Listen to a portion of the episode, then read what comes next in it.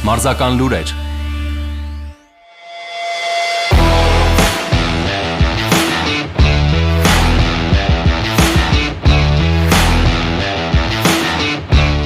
Ֆուտբոլի Մարոկոյի հավաքականը 36 տարում առաջին անգամ հաղթահարեց աշխարհի առաջնության եզրափակիչ մրցաշարի խմբային փուլի արգելքը։ 1986 թվականին աշխարհի առաջնությունում Մարոկոն խմբում գրավել էր առաջին տեղը, իսկ 1/8 եզրափակչում 0-1 հաշվով պարտվել Արևմտյան Գերմանիայի հավաքականին։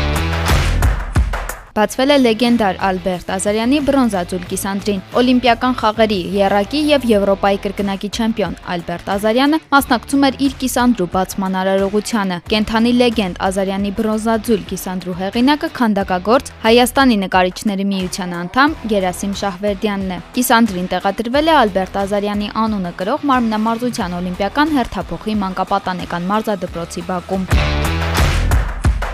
Այսօր Եվրոպայի կրկնակի չեմպիոն, Օլիմպիական խաղերի եւ աշխարհի բրոնզե մեդալակիր Հովանես Բաչկովը հերթական մենամարտն է անցկացնելու պրոֆեսիոնալ ռինգում։ Տաշկենտում Բաչկովը հանդիպելու է մեքսիկացի Մարկոս Գոնսալես Բարազայի հետ։ Բրոնզկամարտիկները 10 ռաունդանոց դիմակայություն են ունենալու։ Հայաստանի դահուկավազքի հավաքականի առաջատարներ Միքայել Միքայելյանը եւ Կատյա Գալստյանը պատրաստվում են առաջիկայում սպասվող մրցումներին։ Դեկտեմբերի 2-ից 4-ը եւ 9-ից 11-ը նրանք Նորվեգիայի տարբեր քաղաքներում մասնակցելու են աշխարհի գավաթի փուլերին։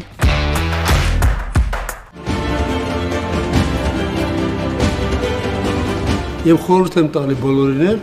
որ իրանք էլ շարունակեն, անեն, որոշ չափով վարժություն անեն, որովհետեւ ասենք ինքը կարող անի։ Բայց որ մարզվել ես ու մի անգամից թողնում ես, շու արդեն չկաս։ Ամբողջ կյանքում չեմ հոգնում կրկնել, որ մարմնամարզությունը բոլոր սպորտաձևերի հիմքն է։ Այնտեղից սկսվում է ճանապարհը դեպի այլ մարզաձևեր, ասել է օղակների արքա Ալբերտ Ազարյանը։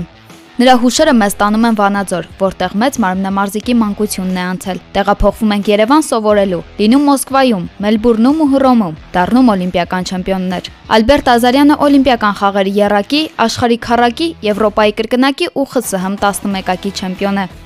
Ազարյանը 14 տարեկան էր, երբ մահացավ հայրը, եւ նա ստիպված էր օգնել մորը։ Սկսեց աշխատել դարբնոցում, միայն 17 տարեկանում մոտ գործեց մարմնամարզություն։ Ծանր ֆիզիկական աշխատանքով զբաղվածությունը նրան դարձրել էր շատ ուժեղ։ Մարզիկը նշում է, որ երբ իրեն հարցնում են ինչպես կատարել Ազարյանական խաչը, ասում է՝ «Դարբնի աշակերտ դարձեք»։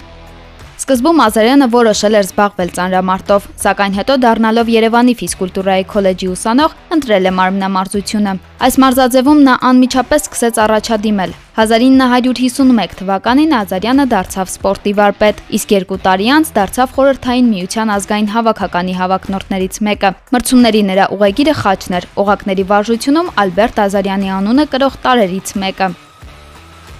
1953 թվականին Լենինգրադում մասնակցում էր աշխարհի գավաթի ուղեգիր նվաճելու մրցումների։ Երբ հերթը հասել էր օղակներին, Հայաստանի հավաքականը վաստակել էր շատ քիչ միավորներ։ Ըստ մրցավարների Ազարյանը չէր պահել անհրաժեշտ 3 վայրկյան խաչը։ Վերջում Ազարյանը զայրանում է եւ վարժությունը կատարում է 4 մրցավարների առջև։ Երկուսը դիմացից, երկուսը հետևից։ Պահում է խաչը շատ ավելի երկար, քան 3 վայրկյանն է։ Նայում է մրցավարներին եւ հարցնում. «Հերիք է»։ Երբ մրցույթն ավարտվում է, գլխավոր մրցավարը մոտենում է Ազարյանին եւ ասում, որ նա այլևս մարմնամարզությամբ չզբաղվի, որովհետեւ երբ օղակների վրա վարժություններ են անում, մարզիկները չեն խոսում, բայց Ազարյանը խոսում էր։ Իսկ մեկ այլ մրցավար նկատել էր, որ այդ տարը խաչը ոչ ոք չէր կատարել։ Եվ դրանից հետո Ալբերտ Ազարյանը հրավիրվեց խորհրդային միության ազգային հավաքական։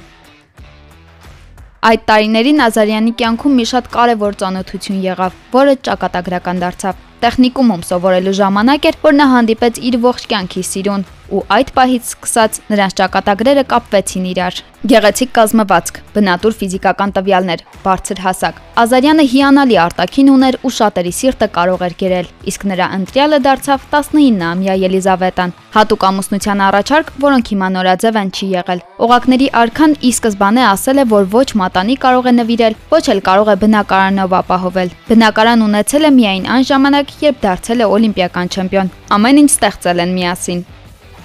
1956 թվականին նա մեկնեց Մելբուրն։ Իր առաջին օլիմպիական խաղերում երկու ոսկե մեդալ նվաճեց՝ օհակների վրա ու թիմային հաշվարկով։ Ազարյանի բոլոր մեդալները միասին կշռելու դեպքում մի քանի տասնյակ կիլոգրամանոց ավարկ կստացվի։ Նա մրցումների է մասնակցել աշխարհի 49 պետություններում, նվաճել 45 ոսկե, 42 արծաթե ու 10 բրոնզե մեդալ։ Հայաստանի մարզական լրագրողների կողմից ճանաչվել է 20-րդ դարի հայ լավագույն մարզիկ։ Մարզիկի կարիերան ավարտելուց հետո նա չդադարեց ապրել սպորտով ու իր ողջ ուժն ու էներգիան նվիրեց մարզչական գործին։ Նա հզորության, ուժի, մարդկային անսահման կարողությունների ու համեստության խորհրդանիշ է։ Սպորտային բոլոր հնարավոր գագաթները նվաճած մարզիկներից մեկն է։ Նա իսկական կենթանի լեգենդ է։